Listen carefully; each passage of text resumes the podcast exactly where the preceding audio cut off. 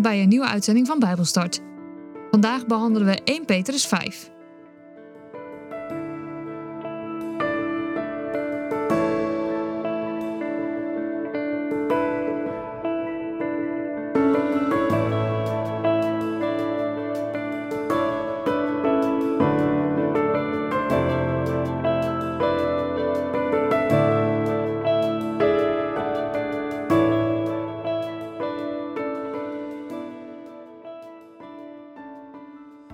Ik lees met jullie uit de basisbijbel 1 Petrus hoofdstuk 5. Ik ben zelf een leider in de gemeente en ik heb zelf gezien hoe Christus heeft geleden. En net als jullie zal ik mijn deel krijgen van de hemelse dingen die nog komen. Daarom moedig ik de leiders in jullie gemeente aan om als goede herders voor Gods kudde te zorgen. Zorg goed voor je gemeente. Niet omdat iemand jullie daartoe dwingt, maar uit vrije wil, omdat God dat van jullie vraagt. Ook niet omdat jullie denken daardoor rijk te kunnen worden, maar omdat jullie God graag willen gehoorzamen. En doe het niet om over anderen te kunnen heersen, maar om een voorbeeld te zijn voor de gemeente. En als dan de grote herder komt, zal hij jullie je hemelse, eeuwige beloning geven. Jonge mensen, wees gehoorzaam aan de leiders in de gemeente Wees bescheiden tegen elkaar.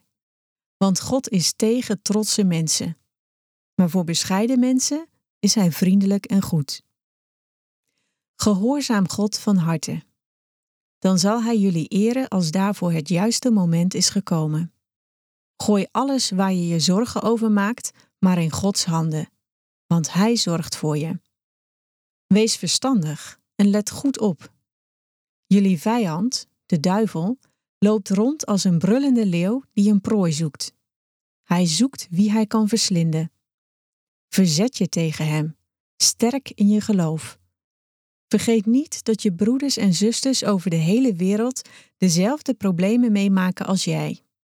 Maar de God, die één en al liefde en goedheid is, heeft jullie in Christus geroepen om voor eeuwig bij Hem te zijn. Hij zal jullie, na een korte tijd van lijden, volmaakt en sterk maken. Van Hem is alle eer en macht, voor eeuwig. Amen. Zo is het.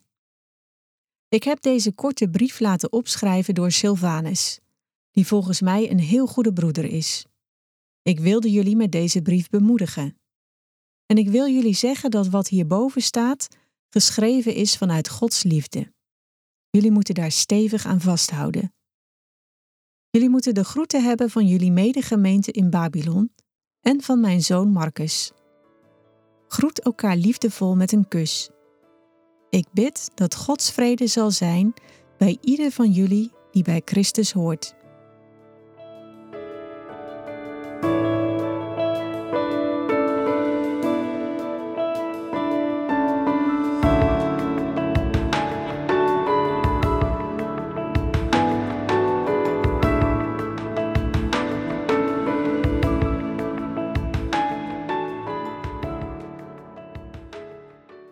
Dit hoofdstuk staat adviezen voor de gemeente. Petrus begint in dit hoofdstuk een klein beetje zijn gezag en kennis te laten gelden. Hij zegt: Ik ben zelf leider in de gemeente. Hij maakt duidelijk dat hij een ooggetuige is. Hij heeft gezien hoe Christus heeft geleden. En vanuit die rol, vanuit die kennis, schrijft Petrus het volgende deel. Als christenen vervolgd worden en daaronder lijden, dan hangt er veel van af hoe de onderlinge relaties zijn als onderlinge relaties verknipt zijn, dan hebben wij de duivel helemaal niet nodig om in moeilijke omstandigheden te raken. Dat kunnen we namelijk onszelf en elkaar ook prima zelf aandoen. En dat is natuurlijk niet best. Petrus gaat daarom ook verder met een advies voor de gemeente. En de eerste vier versen zijn voor de leiders van de gemeente. Vers 5 gaat over jonge mensen. En tussen deze twee groepen is oneenigheid ontstaan. En dat is dan een handige ingang voor het kwaad. Wrijving tussen deze twee groepen is trouwens niet nieuw. We zagen het in de tijd van de Bijbel, maar ook vandaag de dag zien we het nog steeds. Leidinggevenden in de kerk en jonge mensen. En toch denk ik dat het in deze tijd misschien nog wel groter is dan vroeger. Maar ik weet niet precies waarom ik dat denk.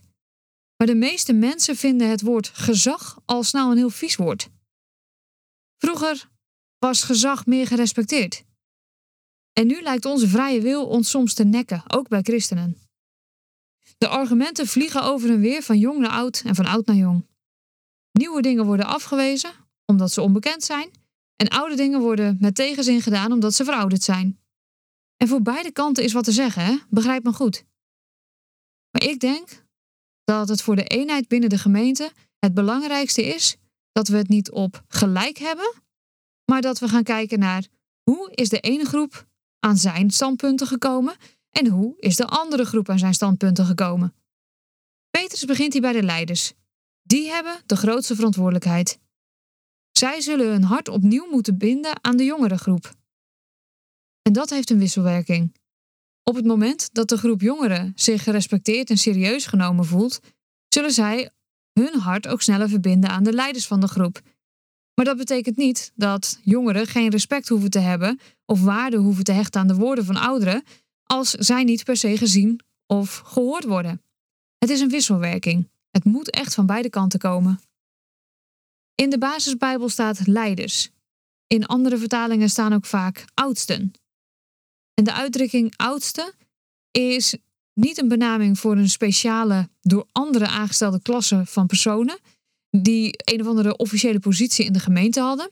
Nee, een oudste is iemand die door leeftijd of ervaring of levenswijsheid de gelovige leiding kan geven.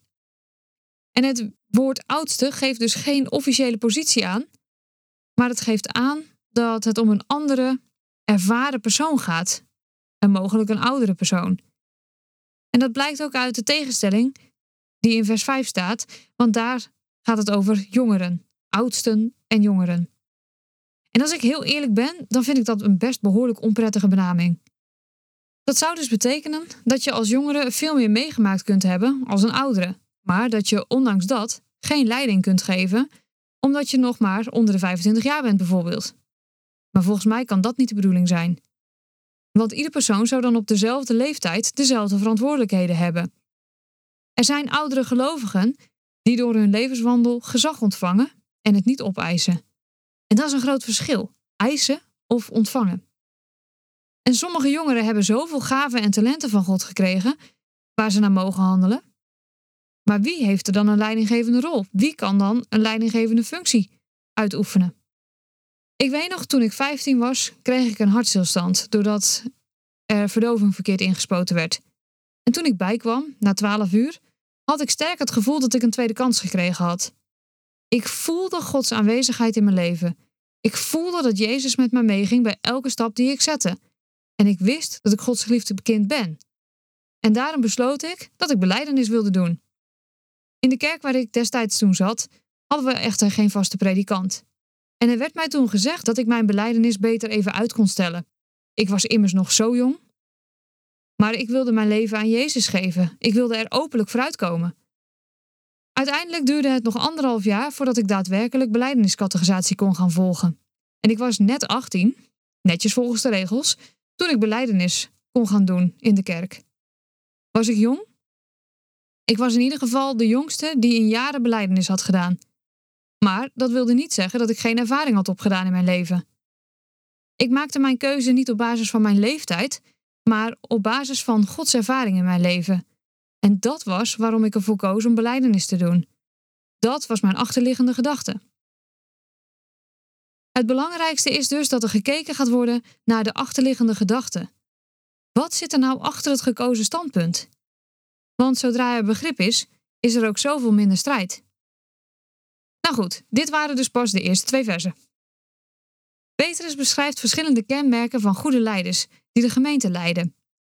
Ze beseffen dat de gemeente Gods kudde is. Gods kudde, niet van henzelf. Ze geven leiding omdat ze graag willen dienen, niet omdat ze moeten. En dat is ook een interessante. Omdat ze graag willen dienen. Dat betekent dus dat de leider dienend leiderschap moet voeren. Deze leiders zijn gericht op wat ze kunnen geven en niet op wat ze kunnen krijgen. En tenslotte leiden ze door hun voorbeeld en niet door dwang.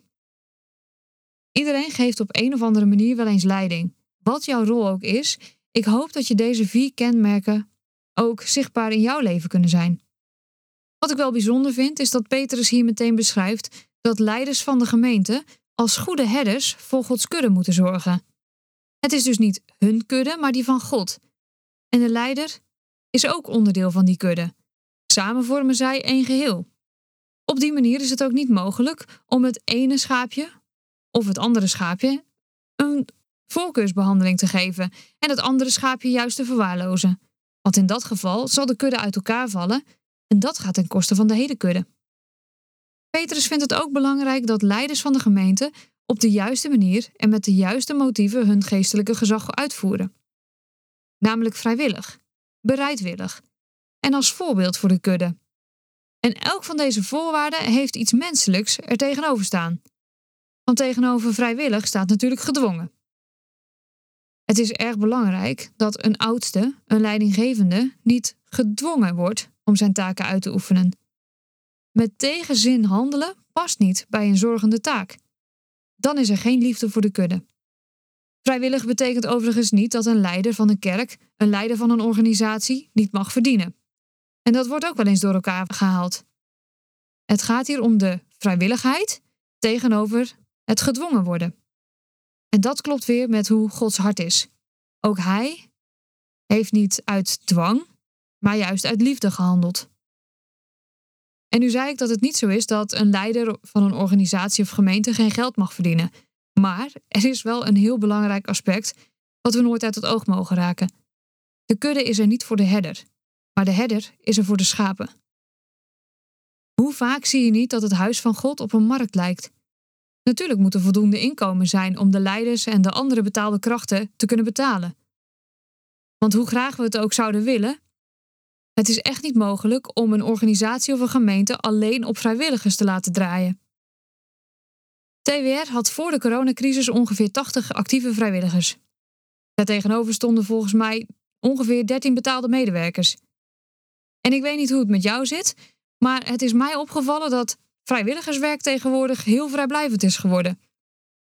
In elk geval vrijblijvender dan eh, toen ik vrijwilligerswerk begon te doen. En zo heel oud ben ik nou ook weer niet, dacht ik. Maar het mooie is van vrijwilligers bij onze organisaties dat ze betrokken zijn en betrokken worden. Maar er zijn toch echt een aantal personen nodig om toch echt leiding te kunnen geven aan die groep vrijwilligers. Maar goed, even terug naar daar waar ik het over wilde hebben. Zorg ervoor dat het evangelie van God geen melkkoe wordt. Blijf integer. Je hoeft niet te schreeuwen om inkomsten. Ja, wij als TWR hebben donateurs nodig, zodat deze banen betaald kunnen worden. Maar alles wat we met vrijwilligers kunnen doen, proberen we met vrijwilligers op te lossen. Ik weet niet of je ermee bekend bent, maar ik krijg ontzettend jeuk van voorgangers die om geld schreeuwen en tijdens het gebed je een soort schuldgevoel aanpraten, waardoor je bijna denkt dat je je hele bankrekening over moet storten. Mensen die gezondheid en financiële voorspoed beloven, als jij maar met je financiële bezittingen over de brug durft te komen. En natuurlijk, ook op die manier afhankelijk zijn, daar is echt niets mis mee. Sterker nog, toen God tot mij sprak dat het na Bijbelstart echt tijd was voor iets nieuws, heb ik besloten om vanuit de zekerheid van mijn vaste contract die toch gewoon op te zeggen. Makkelijk? Nee. Maar ik durf deze stap te nemen omdat God het is die het tegen mij zegt. En niet een persoon die mij van alles en nog wat kan beloven wat niet te toetsen is. Die mensen die gezondheid of financiële voorspoed beloven, ja, dat wordt ook wel het welvaartsevangelie genoemd. En daar begint het bij mij gewoon te kriebelen. De kudde is er niet voor de herder. De herder is er voor de schapen. En tenslotte benoemt Petrus ook nog het belang van bereidwilligheid. Bereidwilligheid is een instelling van je willen en je kunnen. Willen en kunnen helpen daar waar dat maar nodig is. Zelfs als het niet met woorden aan jou gevraagd wordt. In het geval van een schaapskudde zal de herder dus bereidwillig moeten zijn om op het moment dat een schaap afwijkt van de route, dat hij achter dat schaap aangaat om het mee terug te brengen. Een herder is bijvoorbeeld bereid om daar zijn eigen rust voor op te geven. Of een herder is bereid om zelf gevaar te lopen op het moment dat hij een schaap uit het ravijn moet halen. De gemeente van God is niet het bezit van één of meerdere mensen. De gemeente van God is het samen zijn van meerdere mensen. En daarom is het belangrijk dat de herder een voorbeeldfunctie heeft en daardoor een goede leider is. Het is niet de bedoeling dat de herder mensen bang maakt en dat ze daarom maar achter de herder aangaan. Echt leiderschap gaat dus om een dienende leider die een voorbeeldfunctie heeft en ook nog eens tot voorbeeld is van de mensen uit de gemeente van God. Hij of zij moet bereid zijn om een zuiver leven te leiden, om zo het juiste voorbeeld te geven. Lieve mensen, welke taak je ook hebt gekregen binnen Gods koninkrijk, of die taak nu groot of klein is, of hij nu wel of niet voor veel mensen zichtbaar is, God is ontzettend blij met jou en met dat wat je doet in Zijn naam.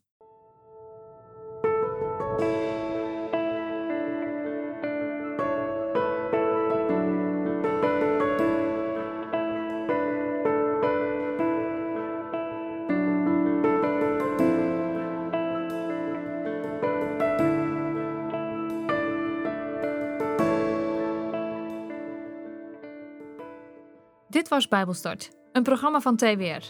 Het is gebaseerd op het Amerikaanse programma Through the Bible, ook wel TTB genoemd. En deze uitzending is een samenvatting van twee afleveringen. Wil je meer weten? Ga dan naar ttb.org of ga naar twr.nl/bijbelstart.